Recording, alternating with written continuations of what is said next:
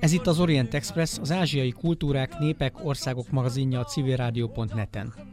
Szerkesztőtársammal Salád Gergelyel együtt köszöntjük a hallgatókat, én Szilágyi Zsolt vagyok.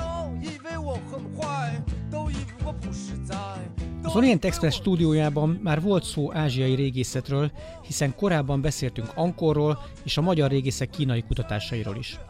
Ma elsősorban a Mongóliával kapcsolatos hasonló terepmunkákról lesz szó, de utazásunkat térben sokkal közelebb Magyarországon kezdjük.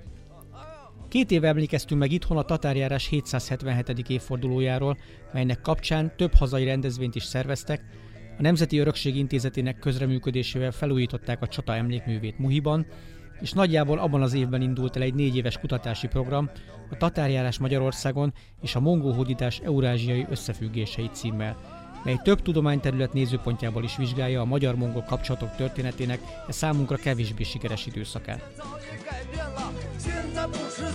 Mai vendégünk Lasztovszki József régész, a CEU középkortudományi tanszékének professzora, a kulturális örökség tanulmányok programvezetője, aki nem csak az említett tatárjárás kutatás egyik prominense, de tagja egy immár negyedik éve Mongóliában futó tájrégészeti kutatásnak, a Kilan Projectnek is, mely a 10-12. századi kitankori erődített települések vizsgálatával foglalkozik. Mai adásunkban nem csak a tatárjárás mai kutatásáról beszélgetünk, de arról is, mi az a tájrégészet, mit tudhatunk meg segítségével Muhiról, és hogyan kerül egy magyar tájrégész Mongóliába.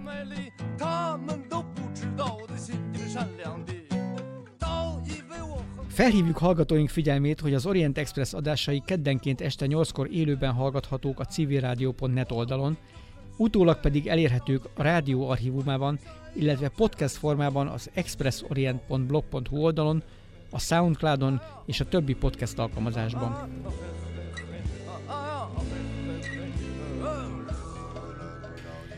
Kedves Jóska, üdvözlünk a stúdióban, és köszönjük, hogy elfogadtad a meghívásunkat. Ö, kezdjük az elején a fogalmak tisztázásával. Ö, itt ugye említettem a bevezetőben ezt a tájrégészet kifejezést. Ö, egy picit így nyissuk ki ezt, hogy pontosan képben legyenek a hallgatók, hogy mit jelent ez. A tájrégészet ez egy viszonylag új dolog a régészeten belül. Úgy azt lehet mondani, hogy az 1980-as évektől kezdett el elterjedni, néhány korábbi előzmény után, és aztán a 90-es években, 2000-es évek elején vált nagyon sok területen, a, azt lehet mondani, hogy minden földrészen az egyik jellemző kutatás irányá. Ez a régészeten belül két dolgot jelent. Az, egyrészt, az egyik része az egy módszertani jellegű dolog, másik része meg egy szemléletbeli dolog. A módszertanit úgy lehetne meghatározni, hogy a tájrégészetnek a forrása a táj. Ha a tájat úgy képzeljük el, hogy az az ember és a természet egymásra hatása, ami nem csak fizikai egymásra hatást jelenthet, hanem hogy például a mi képzetünkben, a mi elképzeléseinkben hogyan jelenik meg a táj. Gondoljunk olyan kifejezésekre, mint tájképfestészet. Tehát a tájkép az nem csak a természetet mutatja, hanem azt is mutatja, hogy mi hogyan látjuk azt a tájat. Na a régészetben is valami ilyesmiről van szó, azt mondjuk, hogy a természet és az ember egymásra hatásának a nyomai megőrződnek a tájban. Ezt úgy kell elképzelni, és érdekes módon a tájrégészet használja is ezt a metaforát, mint hogyha a tájba beleírnánk valamit. Tehát az emberi tevékenység valamit megváltoztat, aztán azt lehet, hogy kitöröljük, és a tetejébe újraírunk valamit. Mondjuk elkészítünk egy vízrendszert, egy mesterséges vízrendszert. Vagy egyszerűen csak szántóföldeket alakítunk ki valahol, amit lehet, hogy utána ott is hagyunk, nem működnek azok tovább, de valamilyen nyoma megmarad a tájban. És a tájrégész, ha úgy tetszik, olvas. Olvassa a tájban lévő jeleket. Ez tulajdonképpen a módszertani része a dolognak. Ugye, ha régészetről beszélünk, akkor az általában az emberekben az a kép jelenik meg, hogy valaki ott ás egy területen, egy lelőhelyen, talál valami érdekes dolgot a, a földben, és akkor hát ezt leírja, meg erről mindenféle fontos dolgokat elmond. A tájrégészek használják ezeket a módszereket, vagy ugye vannak ezek az új nevezett nem invazív technológiák, vagy non-invazív technológiák, inkább e felé nézeget a tájrégészet? Vagy mind a kettőt? Mind a kettőt, de nem véletlen, és ez egy nagyon fontos gondolat, hogy ez az, amit hát magyarul roncsolásmentes módszereknek nevezünk, tehát amikor a régész nem ás, ugye ez egy paradox, a régészet az elpusztítja a saját forrásanyagát, ez nagyon csúnyán hangzik most, mert amit egyszer kiástunk, az soha többet nem lehet kiásni, és részben ezért, részben egyéb okoknál fogva, és egyre több olyan módszert alkalmazunk, amikor ásatás nélkül próbálunk valamit megtudni a múlt tárgyi maradványairól.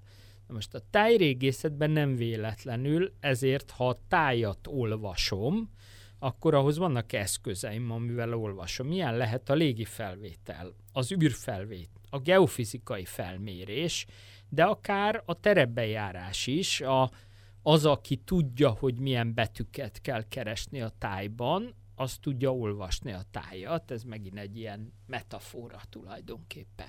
A gyakorlatban hogy néz ki? Tehát az ember kimegy terepre, vagy néz egy légifotót, és akkor, hogyha ért hozzá, akkor meg tudja mondani, hogy na, ott biztos volt valami falu, na, ott volt egy szántóföld 300 éve, vagy, vagy ez hogy működik? Igen, igen, pontosan erről van szó, és akkor mindjárt mondok én egy ilyen nagyon elsőre nagyon furcsán hangzó dolgot. Én, amikor tájrégészetet tanítok a hallgatóimnak, és kimegyünk egy területre, akkor azt mondom, hogy két dolgot keressenek, az egyik a szabálytalant a szabályosban, a másik a szabályost a szabálytalanban. Na most ez így nagyon zavarosan hangzik, de gondoljunk arra, hogy például a tájrégész egy légifotón azt fogja nézni, hogy egy búzamezőn, amin szabályosan vannak, hát normális viszonyok között szabályosan sorokban vannak elvetve a gabona magvak, ott vannak területek, ahol valamiért a gabona másképp nő.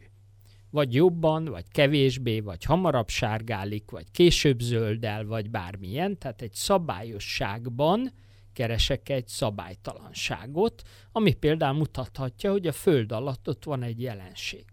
De fordítottja is igaz, azt mondom, hogy nekem van egy erdőm, amiben nem telepített erdőről van szó, ahol azért a fák nem szabályos sorokban rendeződnek el, és mégis azt látom, hogy ebben az erdőben mondjuk van egy ilyen élszerű jelenség, ami egy domborzati jelenség, és mondjuk a fák ahhoz igazodnak, akkor föl kell tennem azt a kérdést, hogy vajon mi okozta ezt a szabályosságot a szabálytalanságban. Ez azt jelenti-e, hogy itt egy emberi beavatkozásnak a nyomát látom. Vagy hogy egy nagyon egyszerű példát mondjak, egy sík területen egy vízfolyás medre az nagyjából kanyarogni szokott. Ha most abban én látok egy nyílegyenes szakaszt, akkor föl kell tennem azt a kérdést, hogy van-e olyan természetes tényező, ami ezt létrehozhatja, amennyiben nem találok, akkor arra kell gondolnom, hogy ezt emberi beavatkozás okozta. Szóval hát ilyeneket keres a tájrégész, de ehhez sok-sok egyéb segédeszköze van, mert lehet, hogy légifelvétellel csinálja, lehet, hogy űrfelvétellel, ez a léptéktől függ, és tulajdonképpen ez az, ami a másik dologhoz vezet át bennünket. A tájrégészet nem csak módszer, hanem szemlélet, ami azt jelenti, hogy nem a leleten van a hangsúly, vagy az egy lelőhelyen, hanem táj léptékbe próbálom megérteni a múltat. Hogy ez mekkora ez a táj, az változó, de minden esetre nem egy pici behatárolt terület, hanem annál nagyobb. Ugye nem véletlenül beszélgetünk veled a tájrégészetről, és itt most majd nem csak Múhiu kapcsán és Mongólia kapcsán kerül erről szó, hanem azért te ö, hát voltál terepen Dél-Kelet-Ázsiában is, ott vannak olyan elég nagy tájléptékű dolgok, amiket, amiket vizsgáltatok. Erről mondanál nekünk néhány szót? Igen, hát nekem volt egy lehetőségem, itt már a bevezetőbe szó volt arról, hogy Kambodzsával, hát mi nekünk volt egy ö, kutatási programunk, ahol pontosan a tájrégészet módszereit használtuk az ankori civilizációnak az egyik királyi központjában, mit Kokernak neveznek, és itt pontosan az volt az egyik kérdés, hogy ott is például hatalmas vízrendszerek vannak. Ennek a korábbi királyi központnak a közepén egy mesterséges, ma már nem működő víztározó van. Ez több száz méter hosszúságú víztározó, és hát azt próbáltuk kideríteni, hogy hogyan és milyen vízrendszer kapcsolódik hozzá, és nagyon sokszor például az egyes szentélyekhez, templomokhoz valamiféle vízrendszer kapcsolódott. Vagy a határhasználat nyomai. Tehát, hogy vannak rizsföldek, amiket ma is ott a kiirtott erdőterületek helyén csinálnak, de vannak olyanok, amiket ma nem művelnek, sőt, vannak olyanok is, amik erdőterület helyén vannak, tehát ez valami korábbi emberi beavatkozástak a nyoma. Az csak a kérdés, hogy mondjuk 30 évvel ezelőtt, 100 évvel ezelőtt, vagy akár 1000 évvel ezelőtti emberi beavatkozást nyomait találom meg. És akkor a ti kutatásaidatok azért azt is bizonyítják, hogy ezek, ez a civilizáció, amiről most beszélünk, azért jóval nagyobb volt, mint az, amit látunk esetleg a föld felett belőle, meg amit gondol az ember, amikor elmegy oda turistaként. Igen, mert ugye pontosan arról van szó, hogy ha most a régészet, vagy akár a építészet történet irányából közelítünk, akkor vannak az álló emlékek. Mondjuk ezek a ma részben romos, de azért még rómiaikban is fantasztikus templomok. Ugye ezekkel nagyon régóta foglalkoznak. Akkor ezek körül vannak régészeti lelőhelyek, tehát amik általában településeknek a nyomai, aminek a cserép maradványai, különböző fémeszközök maradványai még ma is a felszínen megtalálhatóak, és ezek körül egy sokkal nagyobb terület van, az a táj, amit ezek a települések használtak. Tehát az ott lakók nem csak templomot építettek, hanem mondjuk földet műveltek. De hát ez az, ami a legkevésbé marad meg, mert hát most, ha én fölteszem azt a kérdést, hogy és egy szántóföldnek mi a nyoma, amikor már nem szántják, vagy egy bármilyen módon megművelt földterületnek mi a nyoma, akkor nagyon sokszor azt lehet mondani, hogy lehet, hogy semmi. De hogyha a tájban valami olyan átalakítást végeztek, teraszokat alakítottak ki, vagy a szántás technológiából következően hosszanti parcellák jöttek létre, ezek sok száz, sőt, nagyon furcsa hangzik, de több ezer év után is megmaradhatnak a tájba, ugyanis senki nem megy vissza, hogy visszarakja a helyére a földet, ahonnan egyszer kimozdítottuk. Ez a tájrégészet egyik alapja, hogy létrehozással valamit beavatkozunk a tájba, de amikor abba hagyjuk ezt a dolgot, akkor a táj valamennyire visszaveszi, aztán lehet, hogy annyira visszaveszi, hogy semmi nyoma nem marad, mondjuk ahol hatalmas az erózió, és akkor már csak ásni lehet, de van, ahol a tájban ma is látszanak ezek a jelenségek. Mondjuk egy ilyen dél-kelet-ázsiai, kambodzsai vízrendszer, csatornarendszer, ez milyen nyomokat hagy? Tehát az honnan lehet megállapítani, ott vagyunk a dzsungelbe, hogy itt volt egy, nem tudom, 300 méter hosszú csatorna, ami innen ide vezetett. Igen, hát például úgy, hogy, és akkor itt rögtön egy pillanatra pontosítok, mert ez egy lombhullató erdő, tehát Aha. nem dzsungel, ami ott van, és ezért, hogyha az ember helyesen választja meg az időpontot, amikor légifotózik, ezt amikor mi ott dolgoztunk, akkor ilyen motoros sárkányrepülővel csináltuk, ha ma csinálnánk, akkor már drónnal csinálnánk, mint ahogy Mongóliában drónnal dolgozunk, és akkor egy idő után rájöttünk, hogy az a legideálisabb, hogyha a száraz évszaknak a közepe táján megyünk ki erre a területre repülni, mert akkor a növényzetben a levelek, a fák már részben lehullajtották, fák lehullajtották a leveleket, sárgul minden, de ahol egy ilyen régi vízrendszer nyomai vannak, ott egy sávban, vagy egy kör alakban, ahol egy víztározó volt, ott zöldebbek maradnak a növényzet, még egy-két hétig. Aztán a száraz évszak végére ez már egyforma lesz. Na most, hogyha ezt berepüljük és föltérképezzük, majd utána célzottan kimegyünk arra a helyre, akkor lehet, és ez az, ami bekövetkezett, megtaláltuk a templomok melletti mesterséges víztározók nyomait. És erre tehát önöknek kellett rájönnie? Tehát ennek nincsen egy olyan jellegű hagyománya, Kambodzsában, hogy tudjuk, hogy mikor kell fotózni ezeket az erdőket? De, de ezek ismert módszerek, és hát ugye persze a technológia is, itt most rögtön mondok egy másik módszert, ami amikor Kambodzsában dolgoztunk, akkor az már ott létezett, és azt kell mondanom, hogy ez most a tájrégészetet és részben a régészetet is nagyon forradalmasítja, azt lehet mondani, ez a LIDAR nevezetű módszer, ami megint egy ilyen repülős eszköz, ami letapogatja, beszkenneli három dimenzióban a tájat, és van egy fantasztikus tulajdonság, ami miatt jobb, mint a légi felvétel, ugyanis belát a fák alá.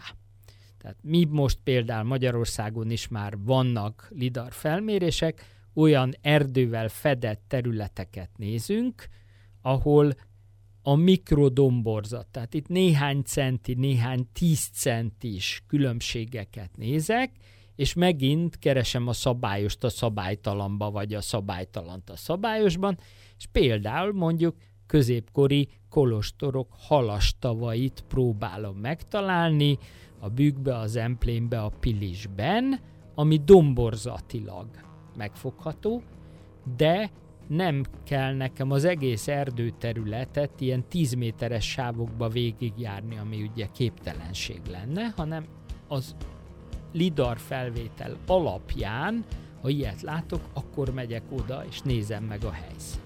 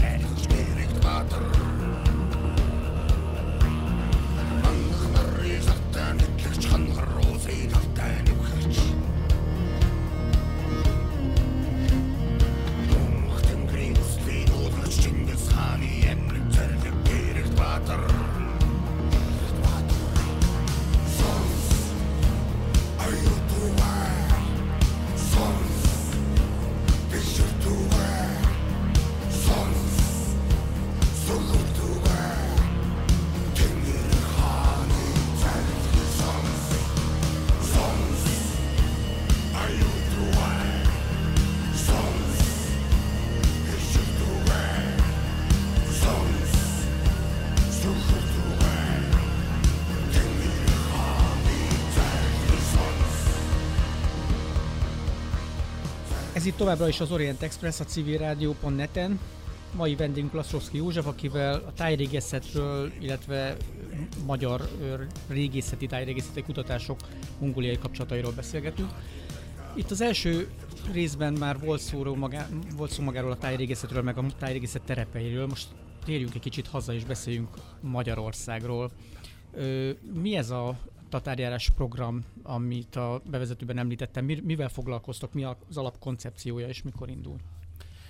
A tatárjárás program ez egy négy éves program, amelyet a NKIFH, tehát a Nemzeti Kutatásfejlesztés, Kutatásfejlesztés és, és Innovációs Hivatal támogat, és ez egy alaphelyzetben 14 kutatót és számos intézményt magába foglaló kutatási program, igazán interdisziplináris, tehát tudomá- több tudományterületet foglal magába, történészek, orientalisták, numizmatikusok, régészek dolgoznak a programban, és ezen kívül, ezen a 14 kutatón kívül még legalább, még egyszer ennyi, de igazából, ha tágabb köröket nézzük, akkor körülbelül háromszor annyi kutató, aki valamilyen módon kapcsolódik ez a programhoz, és a fő célja, ami a címbe benne van, hogy a magyar történelemnek ezt a kulcsfontosságú esemény sorozatát,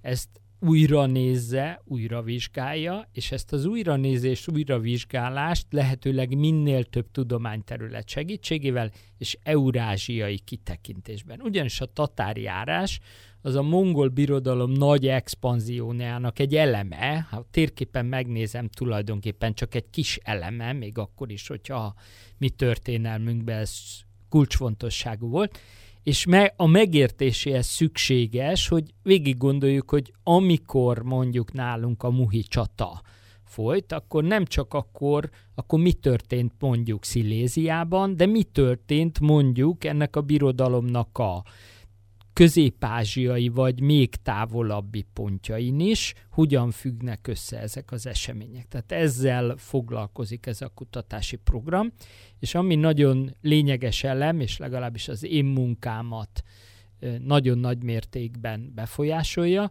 hogy azért is érdemes ezt most csinálni, mert nem csak újra gondolunk itt korábbi kutatási eredményeket, hanem rengeteg új forrásanyagunk van, és ez a rengeteg új forrásanyag nem annyira az írott források területéről származik, onnan is, még érdekes módon még onnan is vannak, hanem a régészet területéről. Megkérdezhetem, hogy milyen új írott források kerültek elő? Hát érdekes módon az írott forrásoknál a, az egyik része az nem azt jelenti, hogy teljesen új forrásról beszélünk, hanem a forrás már ismert, csak mondjuk a kutatóknak egy jelentős része fordításban tudja csak használni. Gondoljunk arra, hogy a mongol birodalom expanziója, hódításával kapcsolatos források, az körülbelül olyan 12-14 nyelvet kell megemlíteni, ami között a kínaitól a latinig, az örménytől a az oroszig mindenféle dolog előfordulhat, hát ilyen kutató nem nagyon van, aki mindegyik nyelvet azonos szinten képes használni, ezért roppant fontosak a nagyon komoly fordítások. De vannak új források is, például, hogy az régóta ismert, hogy a pápaság számos követelt küldöttséget küldött a mongol udvarba, vagy egyáltalán ebbe az új fölemelkedő birodalomba, és ezekről különböző riportok születtek, és ezek egy részét, ezek megőrződtek, de nagyon sokszor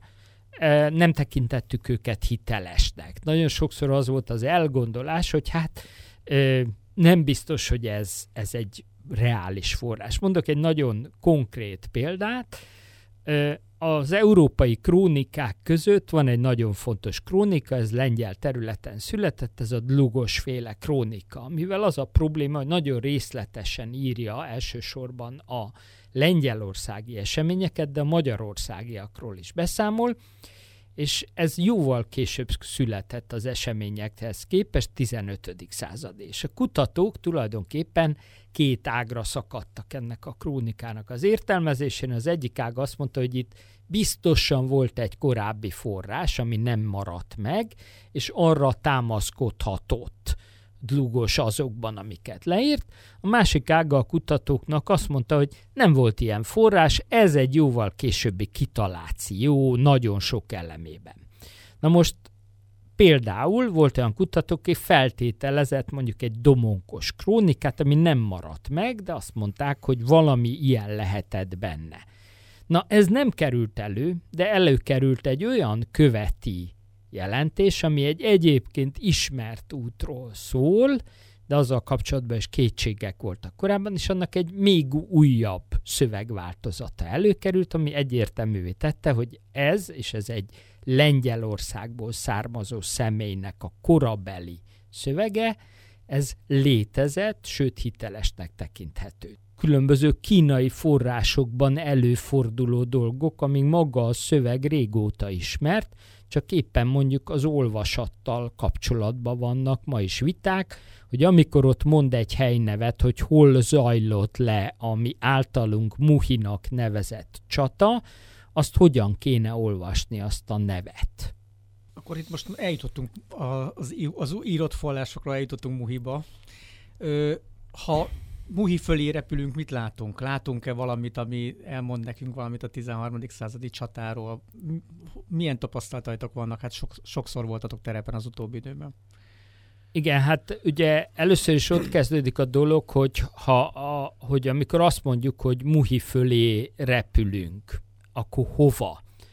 Hát van egy emlékmű, ami egyébként jó eséllyel azon a területen van, ahol a csata valami része történhetett, de az nem azért épült oda, mert pontosan tudnánk. Muhiról eddig nem került elő sem tömegsír, sem olyan helyszín, ahol konkrétan meg tudtuk volna határozni, hogy na ez volt az a hely, tehát nem olyan, mint a Mohácsi csatatér, ahol sok évtizedes kutatás után például vannak tömegsírjaink, amik azért fontos kiinduló pontok. Ahol azt lehet mondani, hogy az egyik helyen két olyan csontváz, ahol hát nem eltemették, mert leginkább bedobták őket egy gödörbe, került elő, akik a mellettük lévő tárgyak alapján azt lehet mondani, hogy jó eséllyel a csatába estek el és haltak meg. És van egy másik olyan helyszínünk, amire nem tudjuk azt mondani, hogy ez maga a csata helyszíne volt, de ahhoz nagyon közeli hely, ahol egy házban kerültek elő hát emberi maradványok és mindenféle olyan tárgyak, amik normális körülmények között nem kerülnek egy falusi lakóházba. Tehát most már vannak fix régészeti pontjaink. De amit mi igazán ebben a kutatásban csinálunk, Hát az egyik ez az új módszerek, tehát éppen a lidar, a légi felvétel, a drón, a geofizika, és hát a másik, ami a régészetnek egy jelentős átalakulását okozza, ez az, amit közösségi régészetnek nevezünk, nevezetesen ezen belül a amatőr fémkeresősöknek az alkalmazása, akikkel mi közösen dolgozunk, ezeknek van egy nagyon szép megnevezése, ők a múzeumbarát fémkeresősök, tehát akik nem a saját gazdagodásuk és a fekete piac számára gyűjtik ezeket a leleteket, hanem szabadidejüket feláldozva, érdeklődésből dolgoznak, és ez nálunk egy nagyon nagy és fontos eleme a programnak. Van olyan hétvége, amikor 60-70 ilyen emberrel dolgozunk együtt, ami azt jelenti, hogy óriási felületeket tudunk végignézni az ő segítségükkel, és az ő segítségükkel már sikerült olyan területeket azonosítani, ahol azt tudjuk mondani, hogy biztosan valami a csatához kapcsolódó esemény sor zajlott le.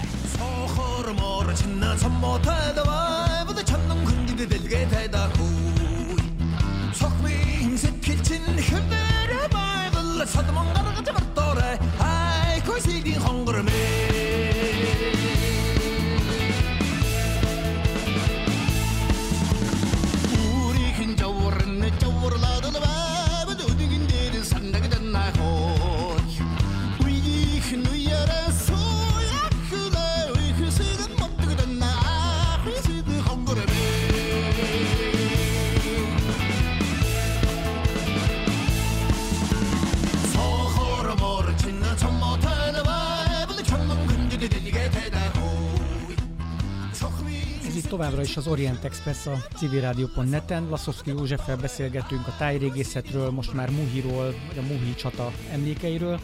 Itt a szünet előtt említetted a közösségi régészetet, és ebben az irányban szeretnék tovább menni, ez nagyon érdekes tulajdonképpen egy új metódusa a kutatásoknak. Mondtad, hogy nagyon sok mindent találtatok. Hogy, hogy zajlik a közösségi régészekkel, a, ezekkel a kedves fémkeresősökkel a kutatás? De ez azt kell látni, hogy ebbe egy jelentős változás következett be az elmúlt néhány évben. Ugye ez a fémkeresőzés, ez mindenhol a világon, de Európában is. Az egyik, azt lehet mondani, hogy nagy problémája a régészetnek, mert hogy rengeteg ember csinálja, ez nagyon sok helyen illegális tevékenységnek minősül, és hát amennyiben ugye ezek a leletek a fekete piacra kerülnek, hát akkor a tudományos értékük teljes mértékben elveszett. De erre egyre több helyen találnak ki különböző módszereket, hogy ezeket az embereket, akiknek a döntő többsége nem ö, a fekete piacra ö, tulajdonképpen gyűjtögeti a dolgot. Ezeknek valami szervezet formája legyen, és hogy ezt jogilag is lehessen szabályozni. Most van egy olyan érvényes szabályozás Magyarországon, ami ennek a kereteit lehetővé tette. Szabályozott módon az adatokat egységes rendszerben vesszük föl. Ezekben az emberekben, ezekben általában van egy jelentős érdeklődés a régészet és a múlt iránt, de egy muhi csata az egy nagyon vonzó. Tehát ezért is lehet egy hétvégén ennyi sok, azt mondom, hogy nagyon lelkes és nagyon pontosan dolgozó embert összeszedni, ami persze rengeteg szervezést igényel, tehát arra kell gondolni, hogy minden egyes leletet, amit ezek az emberek találnak a saját műszereikkel, és itt sok száz leletről beszélünk, azt nagyon pontosan GPS-szel, digitálisan, koordinátákkal rögzíteni kell, térképezni kell, ezeket utána ki kell értékelni, és következő fázisban restaurálni, leltározni, és minden egyéb munkát el kell vele végezni. Igen, de ez ugyanakkor egy óriási kapacitásbővülést is jelent, mert ezek az emberek a saját eszközeikkel mennek oda, és amikor 20-30-70 ember egyszerre egy területet vizsgál, akkor az, az már nem az, amikor tíz régész, meg néhány régész tanítvány, tanonc oda megy. Ez pontosan így van. Tehát mi azt mondjuk ebben a projektben, hogy a mi véleményünk szerint a minőségi különbség ennek a csatatérkutatásnak a, az eredményeiben attól várható két dolog, amit én hangsúlyozni szoktam, hogy nagyon nagy területet tudunk szisztematikusan megnézni. Hát mi most egy olyan 15x15 kilométeres zónában dolgozunk, az borzasztó nagy terület, tehát hogy azt csak végig járni, nem is műszeresen, csak gyalogosan is, egy nagyon nagy munka, és ezért roppant fontos két dolog. Az egyik, hogy kiszűrjük azokat a területeket, ahol bármennyire is szeretnénk, nem tudunk dolgozni. Ez például a folyómozgásokkal függ össze, és pont a földrajzos kollégáinkkal dolgoztunk nagyon sokat, hogy a sajó folyómeder változásai az elmúlt több száz évben azt jelentik, hogy van egy nagyon széles sáv, ahol egészen biztos, hogy valami történt a csata alatt, csak ott a folyó már nagy valószínűséggel eltüntette ennek a nyomait, tehát hogy ott ne akarjunk keresni ilyet, vagy hát csak megfelelő módszerrel lehet, és ami viszont fennmaradó terület, ott viszont minél nagyobb területet nézzünk meg szisztematikusan, amihez először az kell, hogy rengeteg emberrel nagy területeket fedjünk le, és ha ott valami mintázat kirajzolódik, mit értek mintázaton, mondjuk van egy területem, ahol nincs középkori faluhelyem, elpusztult középkori faluhelyem, tehát ott nem volt település, mégis elsősorban 13. századból származó leleteket találok, mondjuk sok nyílhegy társaságában. De hogyha egy ilyen területet azonosítok, akkor ott fölmerülhet az, hogy a csatának valamilyen helyszínével számolhatunk ott. Egész konkrétan nyílhegyeken kívül a Muhi csata helyszínéről mik kerültek elő? Tehát hogyha elképzel, mit találnak ezek a amatőr kincskeresők? Mongol övcsatok? Vagy hát ez az, amit eddig, vagy? ez az, amit eddig nem találunk, és ugye e, ez egy nagyon nehéz kérdés. Ez a csatatér régészet, ez egy külön műfaj egyébként a régészeten belül e, konfliktus régészetnek is szokták nevezni, mert nem csak a csatateret, hanem a felvonulási helyeket, az előzményt, a következményeket is nézik. De az a nehéz ebben a dologban, hogy a európai, sőt a világban folyó Egyesült Államokban volt komoly kutatás még, azok általában a tűzfegyverek elterjedése utáni csataterekkel foglalkoztak, ami azt jelenti, hogy ott rengeteg sok fémlelet van, hiszen a lőfegyverekből kilőtt különböző lőszereknek a nyomait találják meg, és nagy tömegben. Nem beszélve arról, hogy a későbbi időszakban a reguláris hadseregeknek ugye ilyen egyen pityke gombjai, meg ilyenek voltak. Na most ilyen nincsen, tehát nekünk nincsen lehetőségünk ilyeneket találni, de például, amikor azt mondom, hogy nyílhegyek társaságában találok például gyűrűket, és azokról a gyűrűkről úgy tűnik, hogy egy korban megfelelnek, kettő, még akár olyan is lehet, hogy egy olyan családnak a jele, címere van egy ilyen gyűrűn, amiről azt gondoljuk, hogy az ország másik részén birtokos az a család. Ez, ez konkrétan megtörtént ez a Ez dolog? konkrétan megtörtént ez a dolog, amit még ki kell bogozni, és azonosítani kell ennek nagyon sok elemét, de erre mondom én azt, hogyha egy ilyen együttes találok, akkor ezen nagyon el kell gondolkozni. Vagy amikor egy, amit az ásatásból említettem, egy ő elpusztult Árpádkori házban egy olyan páncélnak a darabját találom meg, ez egy kis darab, amiről tudom, hogy a korszakban roppant drága dolog volt, akkor azt kell feltételeznem, hogy ott nem akárki veszthette az életét, és maradhatott abból ott ez a kicsi darab. Arra van bármiféle régészeti lelet, hogy a mongolok tényleg jártak Muhinál?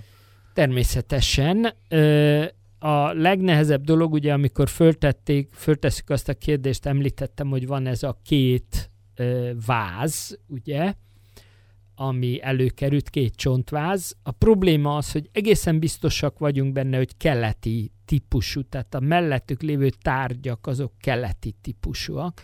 Csak hát ugye tudjuk, hogy a magyar hadseregben is lehettek keleti lovasharcosok. És a mongolok sem csak mongolok Így voltak. van. Éppen ezért például, ez most a következő egyik lépés, megpróbáljuk megvizsgáltatni ezeket a csontmaradványokat egy másik technológiával, egy izotóp technológiával, ami azt mondhatja meg, szerencsés esetben, hogy igaz-e, hogy ez az ember, ez valahol nem a közeli területeken nőtt föl. Mert a csontjaiba olyan izotópok épültek be, amelyek valamilyen más, akár távoli földrajzi régióra utalnak. De van ennél egyszerűbb is, nevezetesen a nyílhegyek között vannak olyan típusú nyílhegyek, amiket mongol típusú nyílhegyeknek tekintünk, azért, mert például belső Ázsiában előkerülnek, vagy ugyanilyeneket találtak mondjuk elpusztított orosz városoknál. És akkor, ha én egy ilyet találok Muhi közelében, akkor jó eséllyel gondolhatom, hogy ezt a mongol sereg valamilyen tagja, hogy ő aztán milyen nemzetiségű volt, ebben nem menjünk bele, lőhette ki azt a nyilat. Hát azt nem fogja megmondani, hogy milyen, milyen honnan származott, csak hogy keletről. De nem csak ö, fémnyílhegyek vannak, vannak csonthegyek is, meg mindenféle. Amiket Igen. nyilván fémkeresővel nehéz megtalálni. Igen, hát de... ez, a, ez az egyik viszonylag új eredmény, ami a, egy más terület kutatásából származik, már magyarországi terület.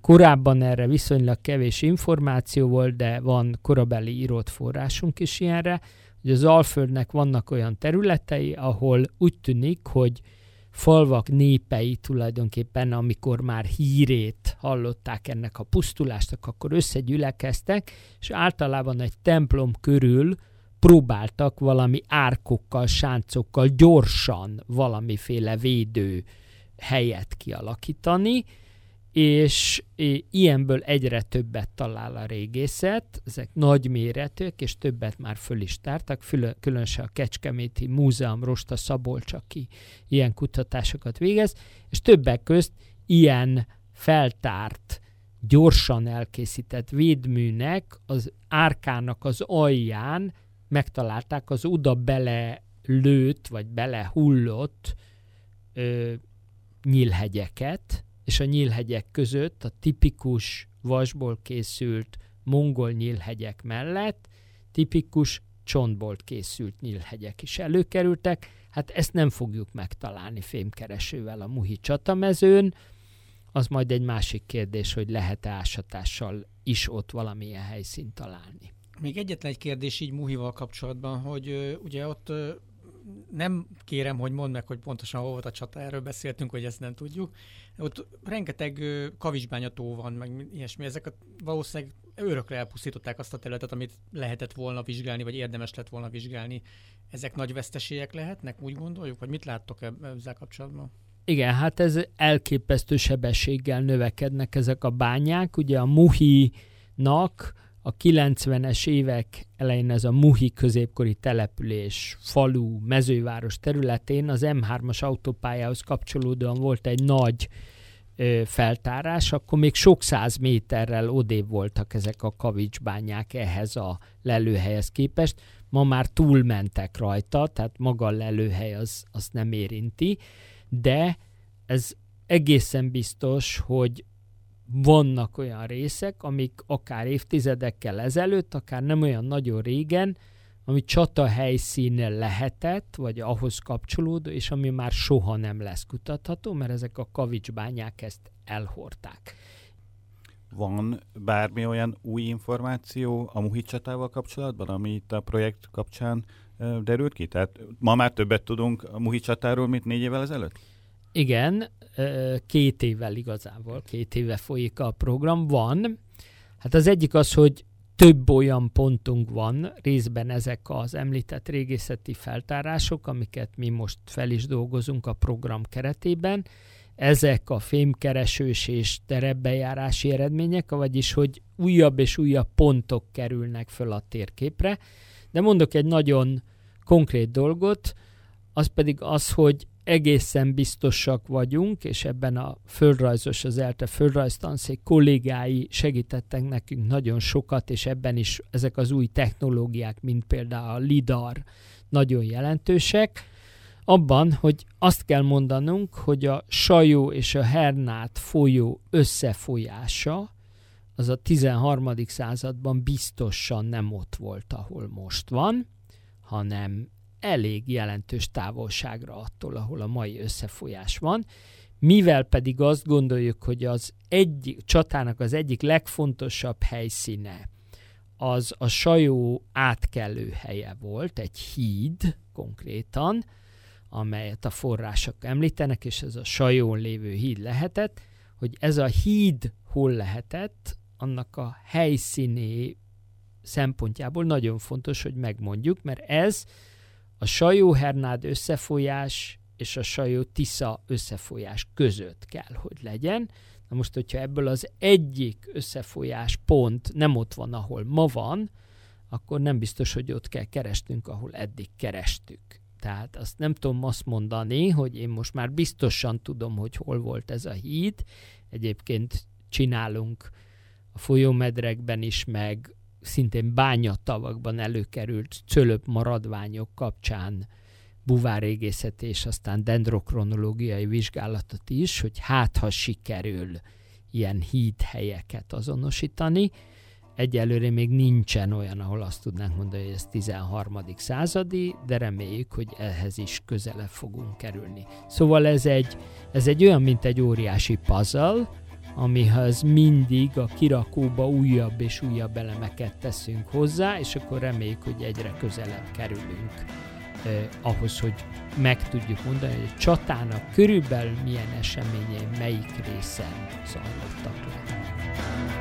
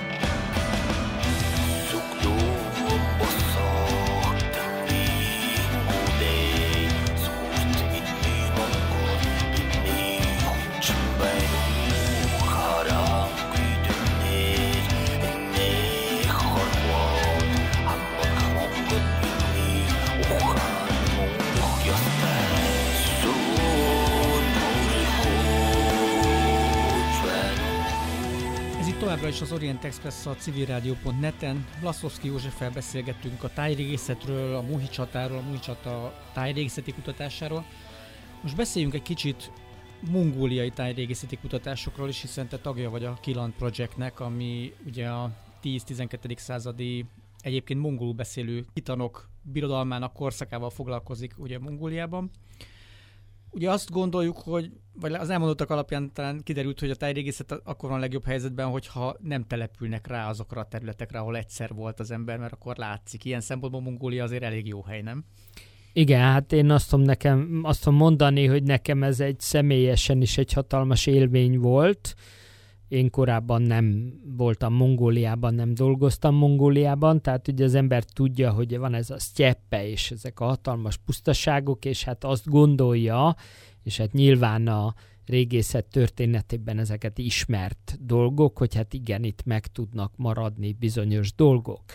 És az egész kutatási program is erre épül rá, hiszen vannak ezek a nomád városok, tehát ugye ezek erődített, szabályos erődítményekkel ellátott nagyméretű központok, ami ennek a birodalomnak a központjai, ahol persze nyilvánvalóan nem alapvetően a nomadizáló népesség lakott, hanem a katonai csoportok, a hatalom vezető rétegének bizonyos csoportjai, meg nyilván kézművesek, egyéb ö, kereskedelemmel foglalkozók, tehát ezek, ezek szabályos, rendezett, nagyméretű, erődített városok, és ezek, ezeket azt lehet mondani, hogy azért nagyon régóta ismeri. A kutatás, bizonyos felméréseik voltak, de ezek az új technológiák, például a drón, és a drónnal ugye ez a 3D fényképezés technológia, ez új lehetőségeket jelent, hogy sokkal gyorsabban és hatékonyabban tudunk fölmérni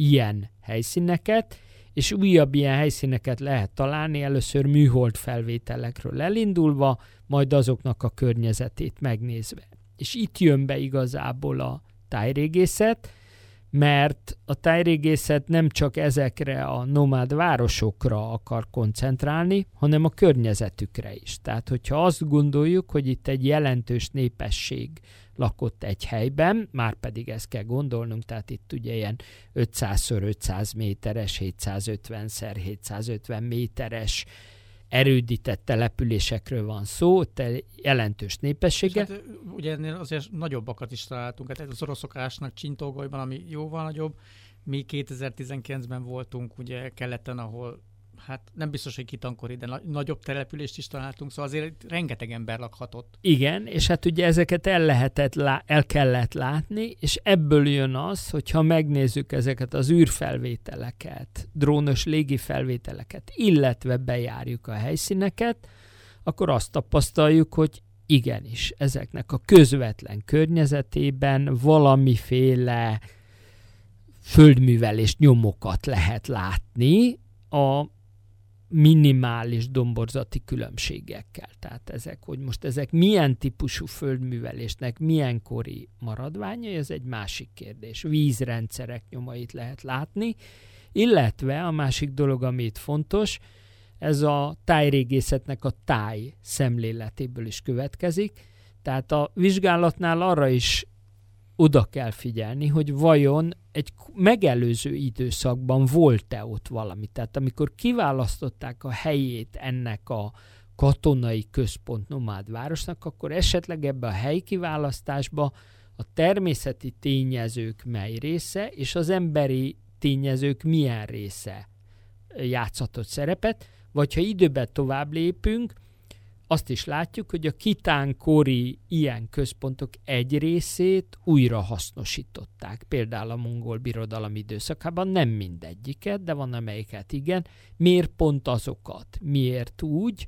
És még egy érdekes dolog van tájrégészet szempontjából, sok több olyan eset van, amikor későbbi időszakban kolostor telepszik meg, a már akkor nem létező, rómjaiban még nyilván látható egykori nomádváros területén. Ezzel a kolostor táj koncepciójához jutunk el. Igen, ezek buddhista kolostorok. Buddhista kolostorok, ami a tájrégészeten belül is egy külön téma, mert ugye azt mondjuk, hogy egy szerzetesi közösség az a hely kiválasztásában egyszerre alkalmazott biztosan nagyon materiális dolgokat, tehát vízközelség és minden, és spirituális, lelki dolgokat. Miért ott képzelték el, hogy ők azon lelkiség szerint tudnak élni, majd amikor létrejött egy kolostor, a kolostorok mint tájátalakító tényezők játszanak szerepet, tehát ők azok, akik elkezdenek beleírni a tájba tulajdonképpen a jelenlétükkel,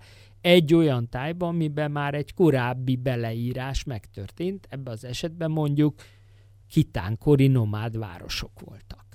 Ilyen szempontból van lehet kapcsolat, vagy valami hasonlóság egy mongol kori, vagy egy 16. századi mongóliai buddhista kolostor és mondjuk a bükkben létrejött kolostor között? Milyen tapasztalataid vannak? Abszolút igen, tehát azt kell mondanom, hogy nyilvánvalóan, hogy vallásilag ez egy nagyon különböző dolog, de érdekes módon a szerzetesség, mint intézmény, az ahhoz kapcsolódó aszkézis, az elvonulás, és hogy én milyen helyet keresek ahhoz, abban nagyon, nagyon sok párhuzamos dolgot lehet találni. Hogy mondjak egy példát, Itália területén számos olyan helyszín van, ahol elhagyott római városokba telepszenek meg később kolostorok.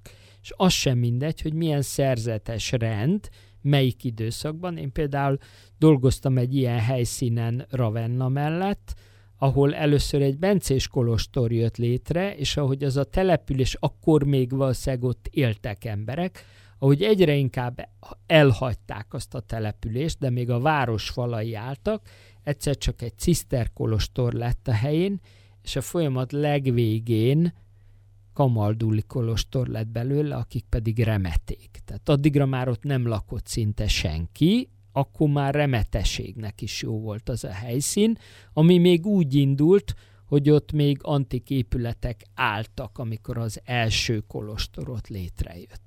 Tehát nagyon távolinak hangzik ez a kapcsolat, de valójában a szemléletről van szó, hogy mi vezette az adott szerzetesi közösséget arra, hogy éppen ott hozott létre egy kolostort, és mi ezt próbáljuk akár sok száz évvel később kitalálni újra, hogy mik voltak azok a szempontok, amik odavitték őket, és aztán ők hogyan alakították ezt át a kitajokról vagy kitanokról kerültek elő olyan információk így a, a kutatásaik során, amik miatt mondjuk módosítani kell azt, amit mi a kitajokról tanítunk, vagy tudunk? Hát amennyire ez nem az én területem, őszintén szóval, hát az egyik, amiről azt gondolom, hogy ez egy nagyon fontos dolog, hogy ugye itt most néhány év vagy egy-két évtized óta nagyon komoly kutatás folyik az ő nyelvük és az ő szövegeik megfejtése kapcsán, amiben ugye magyar kutatóknak igen jelentős szerepe van. Rónatos András nagyon sok energiát fordít mostanában erre, igen. És, és hát ugye mondja. ebből derült az ki, mondom, ez megint nem az én területem, hogy ők már a mongolnak valami korábbi változatát használták ezekben a szövegekben.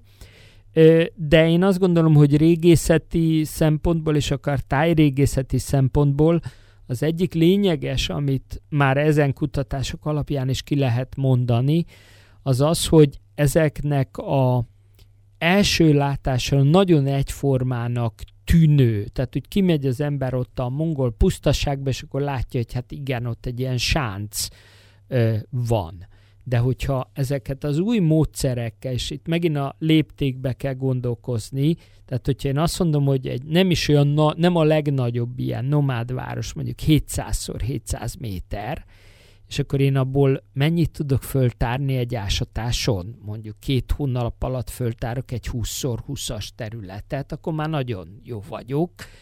Hát akkor ez hogy viszonyul az egészhez? Tehát, hogyha én a felmérésekre teszem a hangsúlyt, a belső szerkezetükre, amiből már most azt lehet látni, hogy nagyon különbözőek. Tehát, hogy ez azt jelenti, hogyha a szerkezetük, már pedig ezek szabályozott szerkezetű települések, szerkezetek ennyire különböző, akkor funkcionálisan különbözőnek kellett lenniük, és vajon hogy lehet megérteni egy birodalom működését abból a szempontból, hogy mondjuk a esetleg a határterületeken más típusú a belső szerkezete ezeknek, vagy melyik az, amelyik újra települt és egy korábbi előzményre épül, melyik az, amit újra használnak. Tehát ebben igen jelentős új eredmények vannak. Ezek megint ilyen pontok, amik a kitán birodalom szerkezetére, újra térképére felkerül. Lejárt az időnk, úgyhogy itt most itt le is zárjuk. Itt csak azt tudjuk mondani, hogy sok sikert a további munkához, mert millió feladat van még egyrészt Muhival kapcsolatban, és másrészt a kitanokról nem is beszélve. Nagyon köszönjük Laszowski Józsefnek, hogy elfogadta a meghívásunkat, és köszönjük a hallgatóknak a figyelmet. Önök az Orient Express-t, a Civil Rádió ázsiai magazinját hallották, a műsort Salád Gergely és Szilágyi Zsolt vezették. Tartsanak velünk a jövő héten is. Felhívjuk figyelmüket, hogy az Orient Express adásait podcast formájában és az interneten is elérhetők. A címünk expressorient.blog.hu, emellett Orient Express néven ott vagyunk a Soundcloudon, az iTunes-on és más podcast alkalmazásokban is. A Facebookon pedig a Pázmány Péter Katolikus Egyetem Modern Kelet-Ázsia kutatócsoportjának oldalán lehet megtalálni az adásokat és készítőiket a viszonthallásra.